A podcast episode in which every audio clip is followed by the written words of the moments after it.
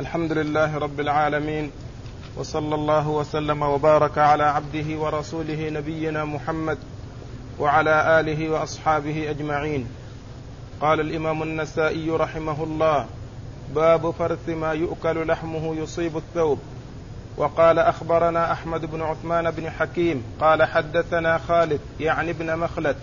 قال حدثنا علي وهو ابن صالح عن أبي إسحاق عن عمرو بن ميمون أن حدثنا عبد الله في بيت المال قال كان رسول الله صلى الله عليه وسلم يصلي عند البيت وملأ من قريش جلوس وقد نحروا جزورا. فقال بعضهم أيكم يأخذ هذا الفرث بدمه ثم يمهله حتى يضع وجهه ساجدا فيضعه يعني على ظهره. قال عبد الله فانبعث أشقاها فأخذ الفرث فذهب به. ثم أمهله فلما خر ساجدا وضعه على ظهره فأخبرت فاطمة بنت رسول الله صلى الله عليه وسلم وهي جارية فجاءت تسعى فأخذته من ظهره فلما فرغ من صلاته قال اللهم عليك بقريش ثلاث مرات الله اللهم عليك بأبي جهل بن هشام وشيبة بن ربيعة وأتبة بن ربيعة وعقبه بن أبي معيط حتى عد سبعا من قريش. قال عبد الله فوالذي أنزل عليه الكتاب لقد رأيتهم صرعى يوم بدر في قليب واحد. بسم الله الرحمن الرحيم. الحمد لله رب العالمين وصلى الله وسلم وبارك على عبده ورسوله نبينا محمد وعلى آله وأصحابه أجمعين. أما بعد يقول النسائي رحمه الله باب فرث ما يؤكل لحمه يصيب الثوب. يعني ما الحكم في ذلك؟ هل هو طاهر أو غير طاهر؟ وفرث ما يؤكل لحمه كبوله الذي مر ذكره في الباب السابق وهو حديث العرنيين وأن النبي صلى الله عليه وسلم أمر أمرهم بأن يأكلوا بأن يشربوا من أبوالها وألبانها. وذلك دال على طهارتها كما عرفنا ذلك بالأمس. وإذا فبول فروث ما يؤكل لحمه أيضا هو مثل البول فإنه يكون طاهرا وليس بنجس. فإذا أصاب الثوب فإنه لا يقال إنه أصابته نجاسة لأن ذلك طاهر وليس بنجس. وقد أورد النسائي رحمه الله تحت هذه الترجمة حديث عبد الله بن مسعود رضي الله تعالى عنه وأرضاه الذي يخبر فيه عما كان عليه عما كان حصل للنبي الكريم صلى الله عليه وسلم في أول الأمر في مكة من الأذى من كفار قريش له وأنهم آذوه أشد الأذى حتى وصل بهم الأمر إلى أن آآ آآ طلبوا من أحدهم أن يأخذ فرث جزور نحروها فيأتي به إلى النبي عليه الصلاة والسلام وهو يصلي عند الكعبة عند البيت فإذا سجد يلقيه على ظهره. وقد حصل ذلك بأن قام أحدهم وقد جاء في بعض الروايات مسمى وأنه عقبة بن أبي معيط فألقاه على ظهره عليه الصلاة والسلام وهو ساجد واستمر عليه الصلاة والسلام في سجوده. وقد علمت ابنته فاطمة رضي الله عنها فجاءت وأزالته عن ظهره صلى الله عليه وسلم وعندما فرغ من صلاته دعا عليهم وقال اللهم عليك بفلان وعليك بفلان حتى سب عد سبعة منهم.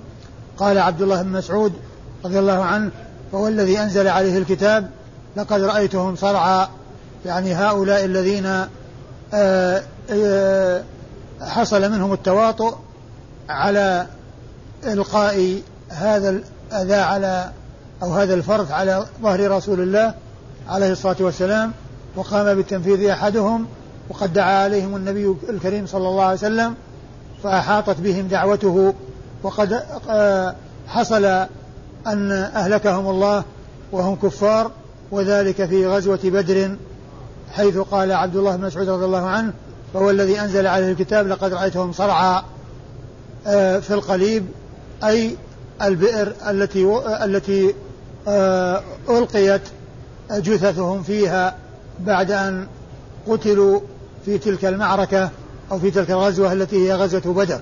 والمقصود من إيراد الحديث أن الرسول عليه الصلاة والسلام ألقي على ظهره ذلك الفرث واستمر في صلاته عليه الصلاة والسلام وحتى جاءت ابنته فاطمة وأزالت ذلك عنه صلى الله عليه وسلم. والحديث دال على طهارة فرث ما يؤكل لحمه كما كما جاء في الحديث السابق آه الذي آه مر علينا في الدرس الفائت. أن أبوال ما يؤكل لحمه تكون طاهرة وهذا فيه الدلالة على أن فرث ما يؤكل لحمه يكون طاهرا. ومما يدل على طهارة بول وفرث ما يؤكل لحمه أن النبي صلى الله عليه وسلم طاف في البيت على بعير يستلم الركن بمحجن ومن المعلوم أن إدخال البعير في المطاف أنه عرضة لأن يحصل منه البول ويحصل منه الروث فلولا أن بوله وروثه طاهران لما عرض النبي الكريم صلى الله عليه وسلم المسجد عرضه لحصول ذلك الروث وذلك البول الذي آه، يؤثر وجوده فيه لكن آه، إدخاله إياه في المسجد وطوافه راكبا عليه و آه، مع احتمال حصول الروث وحصول البول منه فإن هذا الفعل من رسول الله عليه الصلاة والسلام يدل على أن البول وأن الروث من البعير أنهما طاهران وليس بنجسين.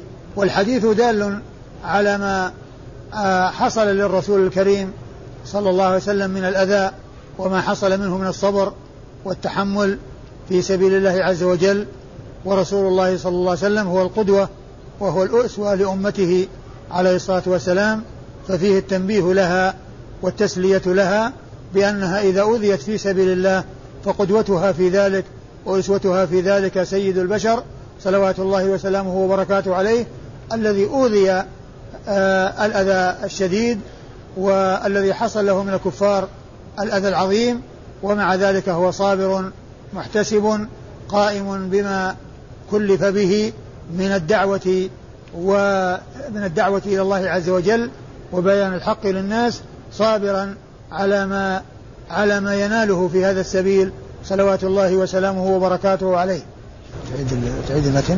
عن عمرو بن ميمون قال قال قال حدثنا عبد الله في بيت المال قال, قال حدثنا عبد الله في بيت المال يعني عبد الله هو بن مسعود وقد جاء مبينا في بعض الروايات الأخرى وأنه عبد الله بن مسعود رضي الله عنه وقوله في بيت المال يعني هذا المكان الذي حصل فيه التحديث وهذا يدل على ضبط الراوي يدل على ضبط الراوي كونه يذكر المناسبة والمكان الذي حصل فيه التحديث فإن هذا مما يستدل به على ضبط الراوي كونه يعرف المكان ويستذكر المكان والهيئة التي كان عليها عند التحديث فهذا مما يستدل به على الضبط والإتقان من الراوي الذي حدث بالحديث وهو عمرو بن ميمون الأودي فإن قوله حدثنا عبد الله في في بيت المال يعني أنه ذكر مع الحديث المكان الذي حصل فيه التحديث فهو مما يستدل به على ضبط الراوي ويقولون إن الحديث إذا كانت له قصة والراوي ذكر القصة مع الحديث فهذا دال على على ضبطه. دال على ضبطه لأنه يذكر مع الحديث ال الذي له مناسبة والذي له ارتباط بالحديث.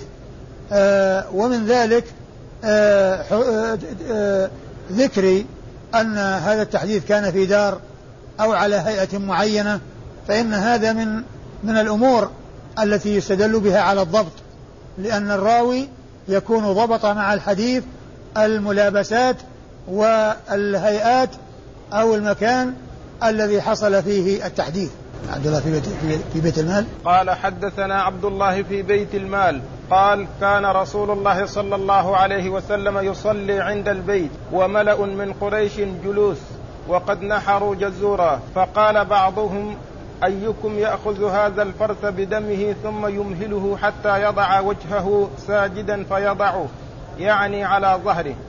ثم آه، بين عبد الله بن مسعود رضي الله عنه أنه كان أن النبي صلى الله عليه وسلم كان يصلي عند البيت والمراد بالبيت الكعبة يعني البيت الحرام الكعبة المشرفة فكان يصلي عندها رسول الله عليه الصلاة والسلام. وكان ملأ وهم نفر يعني جماعة من كبار كفار قريش جلوس حوله أي حول البيت وقد كانوا نحروا جزورا. فقال أحدهم وقد جاء في بعض الروايات أنه أبو جهل لو أن لو أنهم وضعوا أو لو أن أحدهم آآ آآ ذهب إلى إلى إلى إلى محمد وهو يصلي فإذا سجد يمهله حتى يسجد ثم يضع فرث تلك الجزور على ظهره وهو ساجد. فقام أشقاهم أو انبرأ أشقاهم وهو عقبة بن أبي معيط كما جاء مبينا ذلك في بعض الروايات فذهب ونفذ هذه المهمة.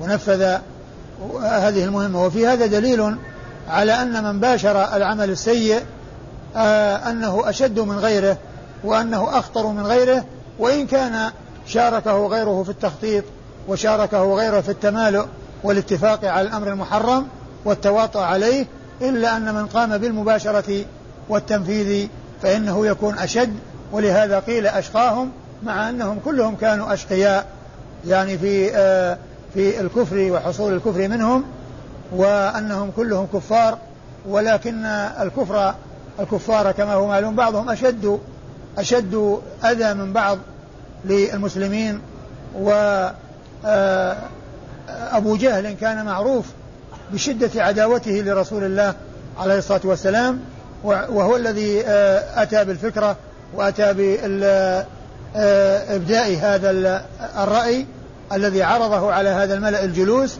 والذي قال قام بتنفيذ هذه المهمة هو عقبة بن أبي معيط كما جاء ذلك مبينا في بعض الروايات. قال عبد الله رضي الله عنه فانبعث أشقاها فأخذ الفرس فذهب به ثم أمهله فلما خر ساجدا وضعه على ظهره. فأخبرت فاطمة بنت رسول الله صلى الله عليه وسلم وهي جارية. وقد جاء في بعض الروايات أن عبد الله بن مسعود رضي الله عنه أخبر بأنه لا يستطيع آه، إزالته عنه وأنه ليس له منعة وليس له قدرة. يعني أن الصحابة الذين رأوا ذلك والذين حصل منهم رؤية ذلك آه، آه، العمل أو الفعل السيء الذي يفعل مع رسول الله صلى الله عليه وسلم منعهم من أن يقوموا بالذب عنه والدفاع عنه. ما آه، ما ما كان لبعضهم من من عدم المنعة ومن عدم القدرة. وأنهم آه، لم يتمكنوا آه، من إزالة هذا الشيء حتى جاءت فاطمة رضي الله تعالى عنها وأرضاها فأزالته عن أبيها رسول الله صلوات الله وسلامه وبركاته عليه. قال فأخبرت فاطمة بنت رسول الله صلى الله عليه وسلم وهي جارية فجاءت تسعى فأخذته من ظهره فلما فرغ من صلاته قال اللهم عليك بقريش ثلاث مرات. اللهم عليك بأبي جهل بن هشام وشيبة بن ربيعة وعتبة بن ربيعة وعقبة بن أبي معيط حتى عد سبعة من قريش. ثم ثم ذكر أن عبد الله بن مسعود رضي الله عنه أن فاطمة لما بلغها الخبر جاءت تسعى وهي جارية يعني حديثة السن ف آه، أزالت ذلك عن عن ظهر أبيها رسول الله صلى الله عليه وسلم فلما فرغ رسول الله عليه الصلاة والسلام دعا على كفار قريش الذين آذوه هذا الأذى فدعا على قريش عموما والمقصود من ذلك كفارهم ومن حصل منه الأذى منهم ثم سمى عددا منهم وقال عبد الله بن مسعود رضي الله عنه حتى عد سبعة يعني من هؤلاء الكفار ثم إن ثم أقسم عبد الله بن مسعود بالذي أنزل على رسوله الكتاب أنه رأى هؤلاء السبعة الذين دعا عليهم الرسول الكريم صلى الله عليه وسلم أنهم صرعى قد قتلوا وهم كفار قتل قتلوا على أيدي المسلمين الذين آه الذين قاتلوا الكفار في غزوة بدر وألقوا في القليب التي رميت فيها جثث الكفار يعني أن الله تعالى آه أجاب دعوة رسوله عليه الصلاة والسلام التي دعا بها عليهم فأهلكهم الله عز وجل وحصل لهم القتل وكان ذلك على كفرهم بالله عز وجل وعدم إيمانهم فألقوا في القليب التي ألقيت فيها جثث الكفار الذين قتلوا في تلك المعركة وهي معركة بدر آه التي حصلت بين رسول الله صلى الله عليه وسلم والطائفة القليلة معه من المسلمين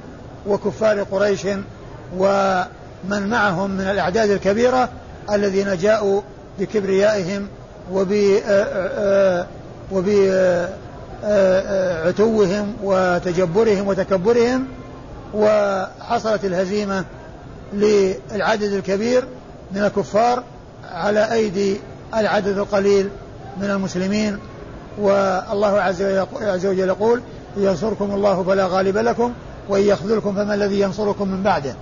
إيش اسناد الحديث؟ قال أخبرنا أحمد بن عثمان أخبرنا أحمد بن عثمان بن حكيم. أخبرنا أحمد بن عثمان بن حكيم وهو الأودي الكوفي وهو ثقة خرج حديثه البخاري ومسلم والنسائي وابن ماجه. يعني آه صاحب الصحيح واثنان من أصحاب السنن الأربعة وهما النسائي وابن ماجه. قال حدثنا خالد يعني ابن مخلد. قال حدثنا خالد يعني ابن مخلد وهو القطواني و وهو صدوق يتشيع وقد خرج حديثه البخاري ومسلم وأصحاب السنن الأربعة في سننهم إلا أبا داود فإنما أخرج له في كتاب مسند مالك. أخرج له أبو داود في كتابه مسند مالك ولم يخرج له في كتاب السنن. أي أنه خرج له أصحاب الكتب الستة إلا أبا داود فلم يخرج له في سننه وإنما خرج له في كتابه مسند مالك. قال حدثنا علي وهو بن صالح. قال حدثنا علي وهو بن صالح. علي قال وهو بن صالح وكلمة وهو بن صالح هذه كما عرفنا مرارا وتكرارا يقولها من دون التلميذ الراوي عنه يريد من وراء ذلك أن يبين من هو ذلك الشخص الذي سمي ولم ينسب فذكرت نسبته لكن أتي بعدها أتي معها. ما يدل على أن ذلك ليس من تلميذه وإنما هو ممن دون تلميذه. وعلي بن صالح هذا هو ابن صالح ابن صالح بن حي وهو وهو آه ثقة آه ثقة عابد خرج حديثه مسلم وأصحاب السنن الأربعة وهو أخو الحسن بن صالح لأن علي بن صالح والحسن بن صالح ابن ابن صالح بن حي وهو حيان أخوان وهذا الذي معنا هو علي أخو حسن وقد خر وهو ثقة عابد خرج حديثه مسلم وأصحاب السنن الأربعة أيوة. عن أبي إسحاق عن أبي إسحاق وهو السبيعي وهو عمرو بن وهو عمرو بن عبد الله الهمداني السبيعي والسبيعي آه، بطن من همدان آه، وهم آه، جزء من همدان وهو عمرو بن عبد الله السبيعي الهمداني ومشهور بنسبته الخاصة وهي السبيعي. و وهو ثقة خرج حديثه أصحاب الكتب الستة. عن عمرو بن ميمون. عن عمرو بن ميمون الأودي عن عمرو بن ميمون الأيدي الأودي وهو مخضرم ثقة آه خرج حديثه أصحاب الكتب الستة. عن عبد الله. عن عبد الله وهو ابن مسعود صاحب رسول الله صلى الله عليه وسلم واحد الفقهاء المشهورين من الصحابة رضي الله تعالى عنهم وأرضاهم و آه، وقد كانت وفاته سنة اثنتين وثلاثين من الهجرة وإذا أطلق العبادلة فليس فيهم عبد الله بن مسعود لأن عبد الله بن مسعود متقدم الوفاة وأما العبادلة الأربعة فهم من صغار الصحابة الذين آه، آه، كانوا في سن متقارب وتأخرت وفاتهم واشتهروا آه، باللقب أو وصف العبادلة وهم عبد الله بن عباس وعبد الله بن الزبير وعبد الله بن عمر وعبد الله بن عمر.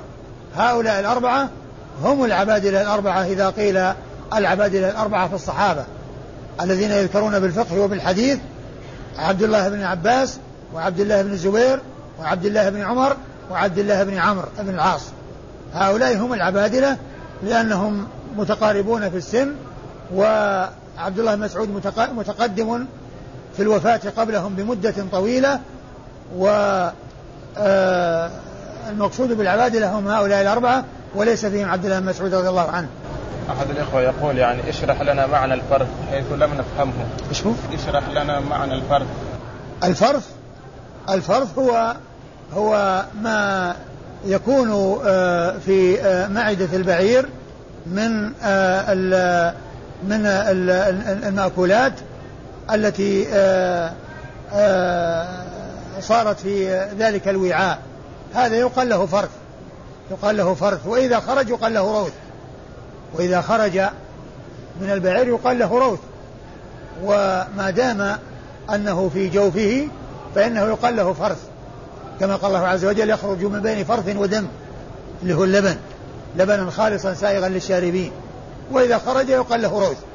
والروث طاهر والفرث طاهر. الروث طاهر والفرث طاهر. واحد يقول جاء في الحديث أيكم يأخذ هذا الفرث بدمه؟ إذا أصاب الدم. كلمة بدمه هذه آه، جاءت في بعض النسخ.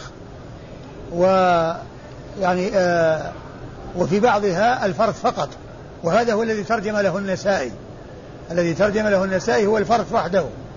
يعني آه، يعني باب فرث ما يؤكل لحمه. فرث ما يؤكل لحمه. وقد قيل في معناه أن أن أن أن أن, أن الدم أنه مع الفرث فهو في وعاء وليس مباشرا للجسد. وهو مثل الشيء يكون في القارورة. وتكون مع الإنسان فإنه لا تكون لا يكون ما فيها ملامسا أو ملاقيا لجسده. قال باب البزاق يصيب الثوب. وقال أخبرنا علي بن حجر قال حدثنا إسماعيل عن حميد عن أنس رضي الله عنه أنه قال إن النبي صلى الله عليه وسلم أخذ طرف ردائه فبصق فيه فرد بعضه على بعض. ثم أورد النسائي هذه الترجمة وهي باب البصاق أو البزاق. البزاق. البزاق يصيب الثوب. يعني أنه طاهر وأنه لا بأس به لا ليس بنجس. وقد أورد النسائي في حديث آه أنس بن مالك رضي الله عنه أن النبي صلى الله عليه وسلم أخذ طرف ردائه فبصق فيه.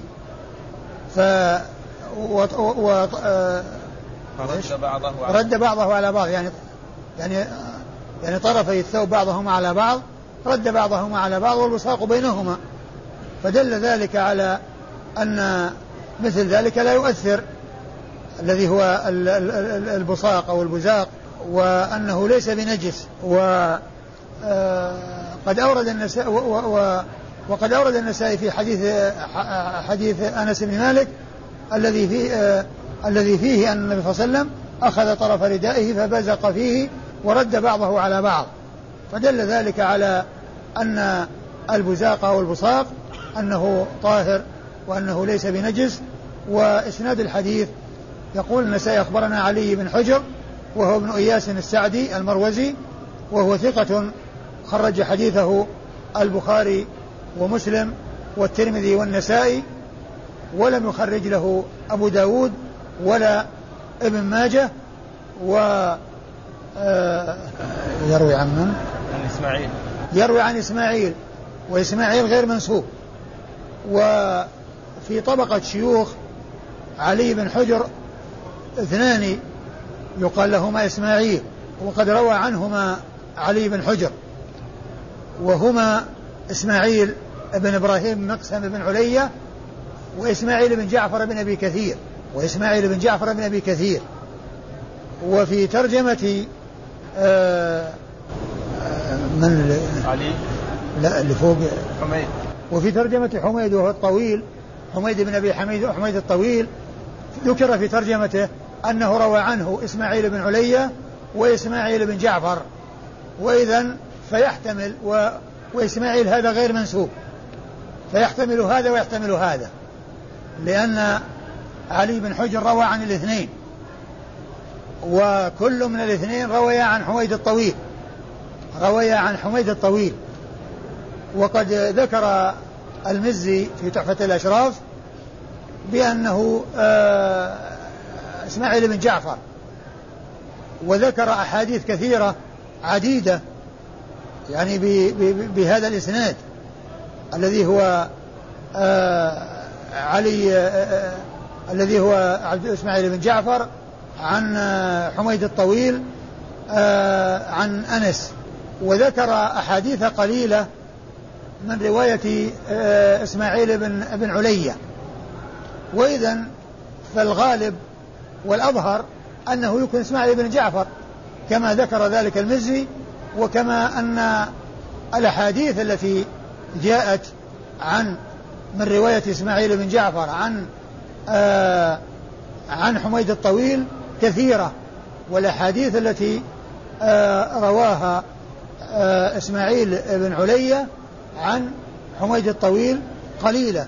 وإذا فهذا المهمل آه يعني آه يحمل على أن المراد به هو إسماعيل بن جعفر لكون ما رواه إسماعيل بن جعفر عن حميد الطويل أكثر مما رواه إسماعيل بن علية وأيضا المزي قد آه ذكره وأنه آه هو إسماعيل بن جعفر وليس في وليس من إسماعيل بن علية لأنه ذكره ضمن حديث أو ضمن أحاديث إسماعيل بن جعفر. وإسماعيل بن جعفر هذا ثقة خرج حديثه أصحاب الكتب الستة.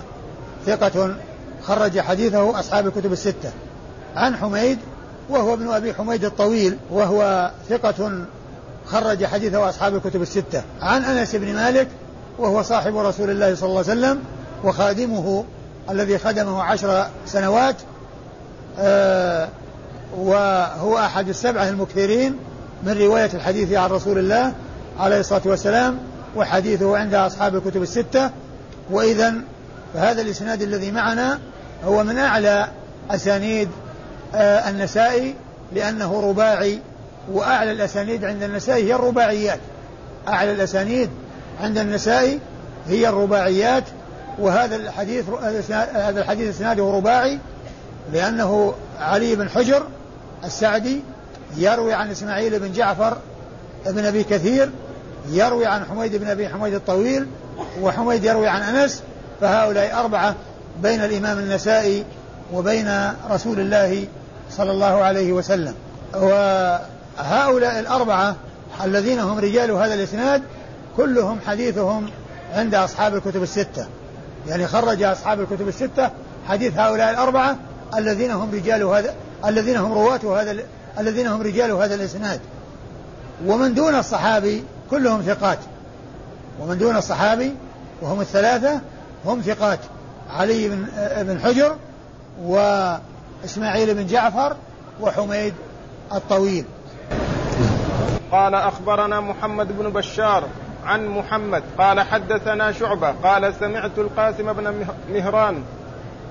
قال سمعت القاسم بن مهران يحدث عن أبي رافع عن أبي هريرة رضي الله عنه عن النبي صلى الله عليه وسلم أنه قال إذا صلى أحدكم فلا يبزق بين يديه ولا عن يمينه ولكن عن يساره أو تحت قدمه وإلا فبزق النبي صلى الله عليه وسلم هكذا في ثوبه ودلكه. ثم ورد النسائي حديث أبي هريرة رضي الله عنه أن النبي صلى الله عليه وسلم قال اذا قال اذا إذا صلى أحدكم.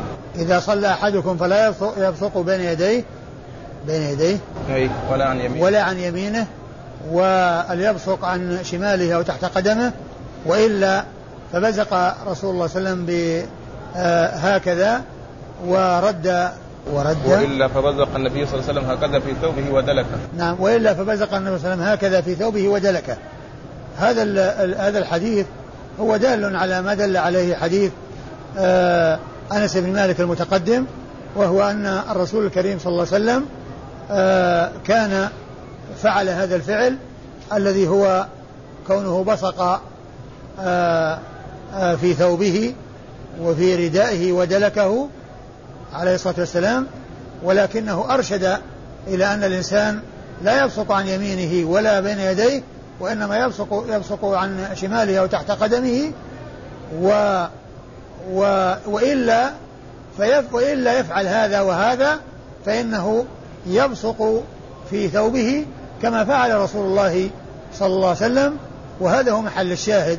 يعني كون النبي صلى الله عليه وسلم بصق في ثوبه ودلكه يعني هذا هو المقصود من إرادة الحديث في الترجمة وهي البزاق باب البزاق يصيب الثوب يعني أنه طاهر ولهذا حصل هذا في الصلاة ووضع ذلك وضع الرسول صلى الله عليه وسلم ذلك في ثوبه. ولو كان ذلك نجسا ما وضع في الثوب ولا حصل منه في يعني في ولا يحصل في الثوب. لكن لما حصل هذا وفي الصلاة وضع في الثوب وجعل في ثوب في الثوب دل على طهارة البصاق والبزاق. نعم. أخبرنا محمد بن بشار. يقول سيخبرنا محمد بن بشار. ومحمد بن بشار هو بن دار. هو الملقب بن دار. وهو ثقة من صغار شيوخ أصحاب الكتب الستة من صغار شيوخ البخاري من صغار شيوخ البخاري لأنه توفي قبل وفاة البخاري بأربع سنوات أي في سنة اثنتين وخمسين ومائتين وقد شاركه أو, أو وافقه وقد وافقه في الوفاة في تلك السنة اثنان من شيوخ البخاري وهم أو أو أو آه أو هم من شيوخ أصحاب الكتب الستة وهم آه محمد بن بشار ومحمد المثنى ويعقوب ابن إبراهيم الدورقي فإنهم أي هؤلاء الثلاثة ماتوا في سنة واحدة وهي سنة اثنتين وخمسين ومائتين أي قبل وفاة البخاري رحمه الله بأربع سنوات. ومحمد بن بشار هذا لقبه بن دار وهو ثقة حديث عند أصحاب الكتب الستة بل هو شيخ لأصحاب الكتب الستة جميعا. يقول حدثنا جعفر محمد ومحمد هذا غير منسوب ولكنه محمد بن جعفر الملقب غندر. فإنه إذا جاء يعني في يروي عن عن عن, عن شعبة وهو غير منسوب فإنه يحمل على محمد بن جعفر الملقب غندر. ومحمد بن جعفر الملقب غندر ثقة خرج حديثه أصحاب الكتب الستة. يروي عن شعبة وشعبة بن الحجاج آه، أحد الثقات الأثبات الموصوف بأنه أمير المؤمنين في الحديث أي أنه ممن ظفر بهذا اللقب الرفيع وهذا الوصف العالي وهو التلقيب بأمير المؤمنين في الحديث الذي حصل لعدد قليل من من المحدثين الذين برزوا واشتهروا وصاروا قمة في الثقة والعدالة آه، هم عدد قليل منهم شعبة بن الحجاج هذا الذي معنا وحديثه عند أصحاب الكتب الستة. يروي عن القاسم بن مهران. يروي عن القاسم بن مهران. قاسم مهران إيش قال فيه؟ القيسي مولى بني قيس القيسي وهو آه صدوق. وهو خال هشيم. خال هشيم يعني هشيم بن بشير. وهو إيش؟ صدوق روى له مسلم والنسائي وابن ماجه وابن ماجه؟ اي والقاسم آه اسمه إيش؟ القاسم بن مهران القاسم مهران القيسي هو صدوق خرج له آه، مسلم والنسائي وابن ماجه أي واحد من صاحبي الصحيح واثنان من أصحاب السنن الأربعة عن أبي رافع. عن أبي رافع وهو نفيع الصائغ المدني وهو ثقة آآ آه، آآ آه، خرج حديثه أصحاب الكتب الستة. عن أبي, عن أبي هريرة صاحب رسول الله صلى الله عليه وسلم وهو أكثر الصحابة على الإطلاق حديثا وحديثه عند أصحاب الكتب الستة وقد مر ذكره كثيرا. قال باب بدء التيمم. وقال أخبرنا قتيبة عن مالك عن عبد الرحمن بن القاسم عن أبيه عن عائشة رضي الله عنها أنها قالت خرجنا مع رسول الله صلى الله عليه وسلم في بعض أسفاره حتى إذا كنا بالبيداء أو ذات الجيش انقطع عقد لي فأقام رسول الله صلى الله عليه وسلم على التماسه وأقام الناس معه وليسوا على ماء وليس معهم ماء. فأتى الناس أبا بكر رضي الله عنه فقالوا ألا ترى ما صنعت عائشة؟ أقامت برسول الله صلى الله عليه وسلم وبالناس وليسوا على ماء وليس معهم ماء. فجاء أبو بكر رضي الله عنه ورسول الله صلى الله عليه وسلم واضع رأسه على فخذي قد نام فقال حبست رسول الله صلى الله عليه وسلم والناس وليسوا على ماء وليس معهم ماء. قالت عائشة فعاتبني أبو بكر وقال ما شاء الله أن يقول وجعل يطعن بيده في خاصرتي فما منعني من التحرك إلا مكان رسول الله صلى الله عليه وسلم على فخذي. فنام رسول الله صلى الله عليه وسلم حتى أصبح على غير ماء. فأنزل الله عز وجل آية التيمم فقال أسيد بن حضير رضي الله عنه ما هي بأول بركتكم يا آل أبي بكر؟ قالت فبعثنا البعير الذي كنت عليه فوجدنا العقد تحته. ثم ورد النسائي رحمه الله باب بدء باب بدء التيمم أي بدء مشروعيته و آه، كونه شرع بداية, بداية آه، تشريع هذا الحكم الذي هو التيمم عند فقد الماء والذي يحصل به التطهر وهو أحد الطهارتين التي الذي هو عوض عن الماء آه، أي بدء مشروعيته ومتى حصل وكيف حصل. وقد أورد النسائي في هذه الترجمة حديث عائشة رضي الله عنها أنها قالت خرجنا مع رسول الله صلى الله عليه وسلم في بعض أسفاره. وكان ذلك في غزوة بني المصطلق. ولما كانوا في بيداء من, من الأرض أو في آه، ذات الجيش. نعم. أو ذات أو ذات جيش. نعم. ذات الجيش. إذا كنا بالبيداء أو ذات الجيش. أو ذات الجيش. يعني مكان. ف آه، كانوا في ذلك المكان. وقد فقد عقد لعائشة رضي الله تعالى عنها وأرضاها. فبقي الرسول صلى الله عليه وسلم في البحث عنه. وفي طلبه وأمر بعض أصحابه أن يبحثوا عنه فجعلوا يبحثون عنه. وثم إنه لم يكن معهم ماء ولم يكونوا على ماء. لم يكونوا نازلين على ماء يعني على بئر وليس معهم ماء يحملونه يعني يكفيهم.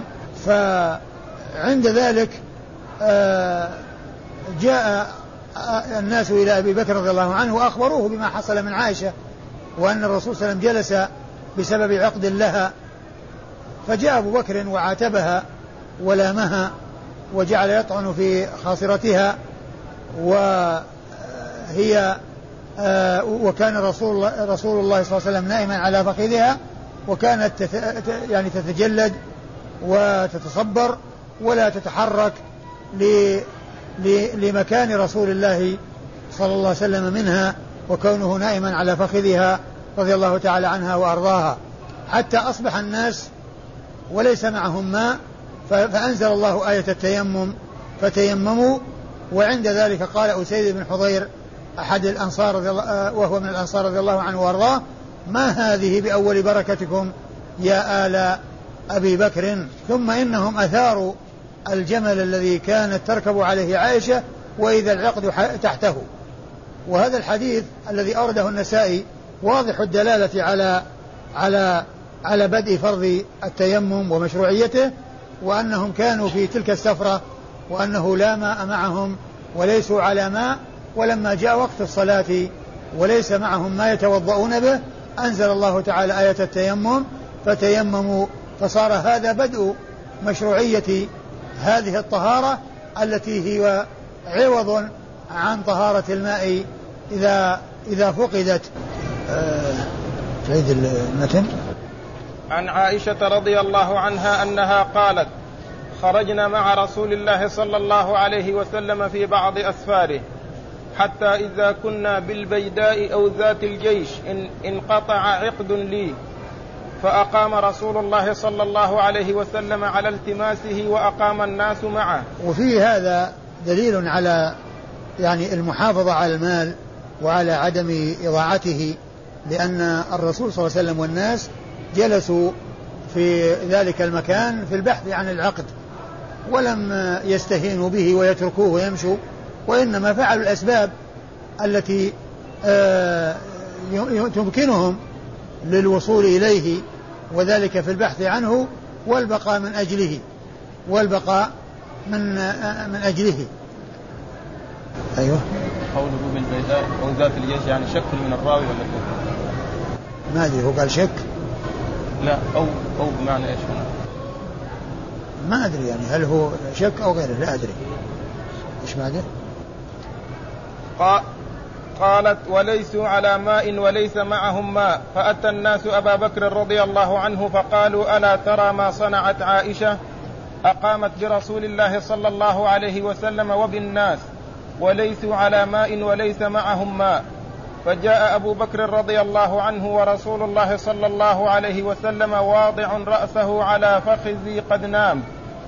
فقال حبست رسول الله صلى الله عليه وسلم والناس وليسوا على ماء وليس معهم ماء. وفي وفي هذا الحديث دليل على أن والد المرأة المزوجة له أن يعاتبها وله أن يؤدبها ولو كانت يعني مزوجة.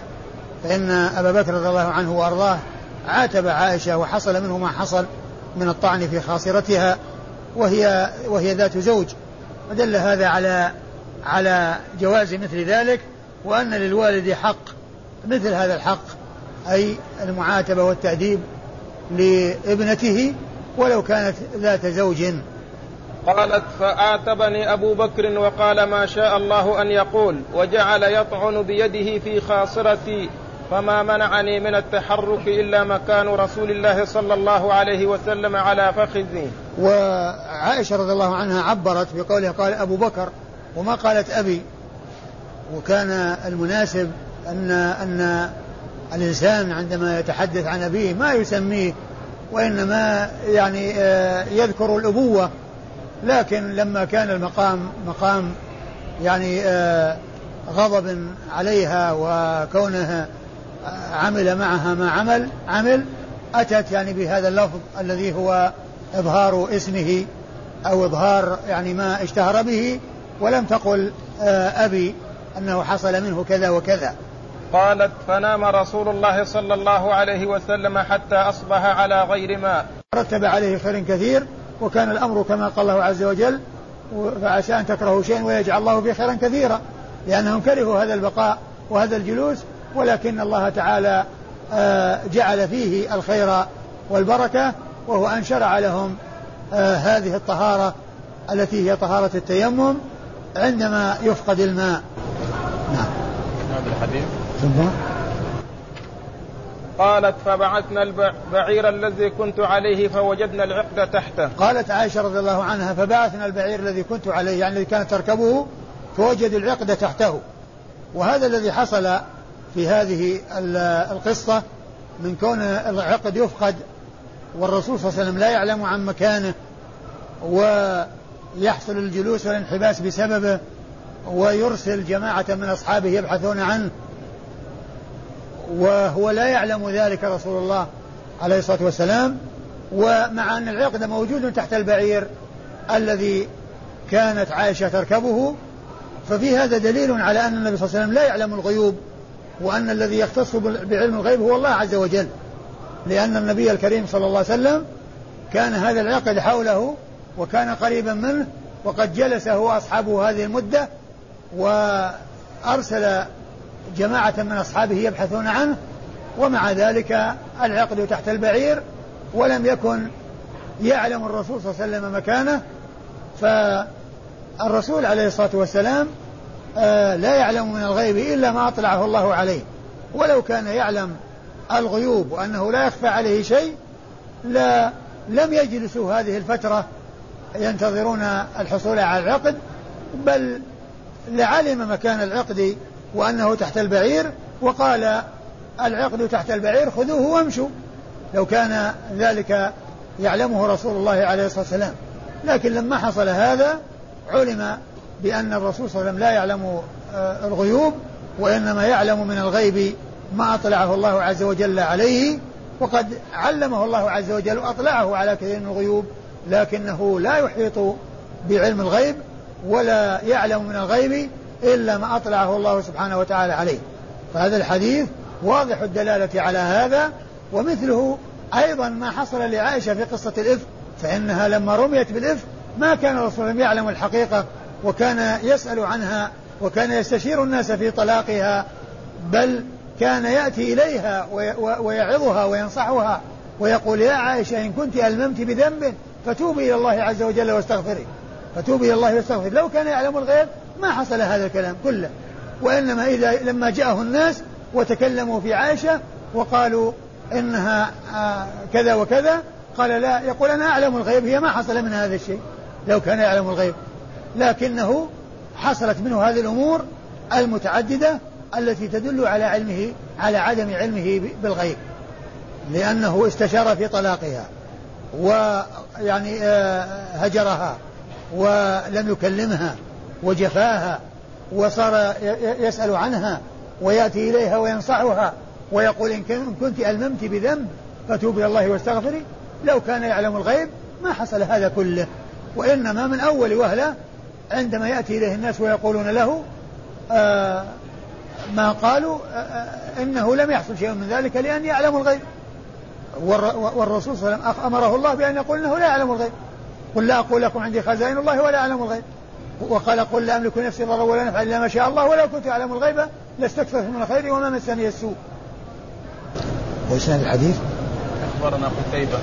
وإسناد الحديث يقول النسائي أخبرنا قتيبة. وقتيبة هو ابن سعيد الذي يأتي ذكره كثيرا في سنن النسائي وهو من شيوخ النسائي الذين أكثر الرواية عنهم. وأول حديث في سنن النسائي من رواية النسائي عن شيخه قتيبة هذا وحديثه عند أصحاب الكتب الستة وهو من الثقات الأثبات. عن مالك. ويروي عن مالك وهو ابن, ابن أنس إمام دار الهجرة المحدث الفقيه صاحب المذهب المشهور وحديثه عند أصحاب الكتب الستة. عن عبد الرحمن. عن عبد الرحمن بن القاسم بن محمد بن أبي بكر الصديق وهو ثقة فاضل. قال عنه ابن عيينة كان أفضل أهل زمانه. قال عنه ابن عيينة كان أفضل كان أفضل أهل زمانه وهو آه، وحديثه عند أصحاب الكتب الستة. يروي عن أبيه القاسم ابن محمد ابن أبي بكر الصديق وهو أحد الفقهاء السبعة في المدينة المشهورين في عصر التابعين وهو ثقة خرج حديثه أصحاب الكتب الستة.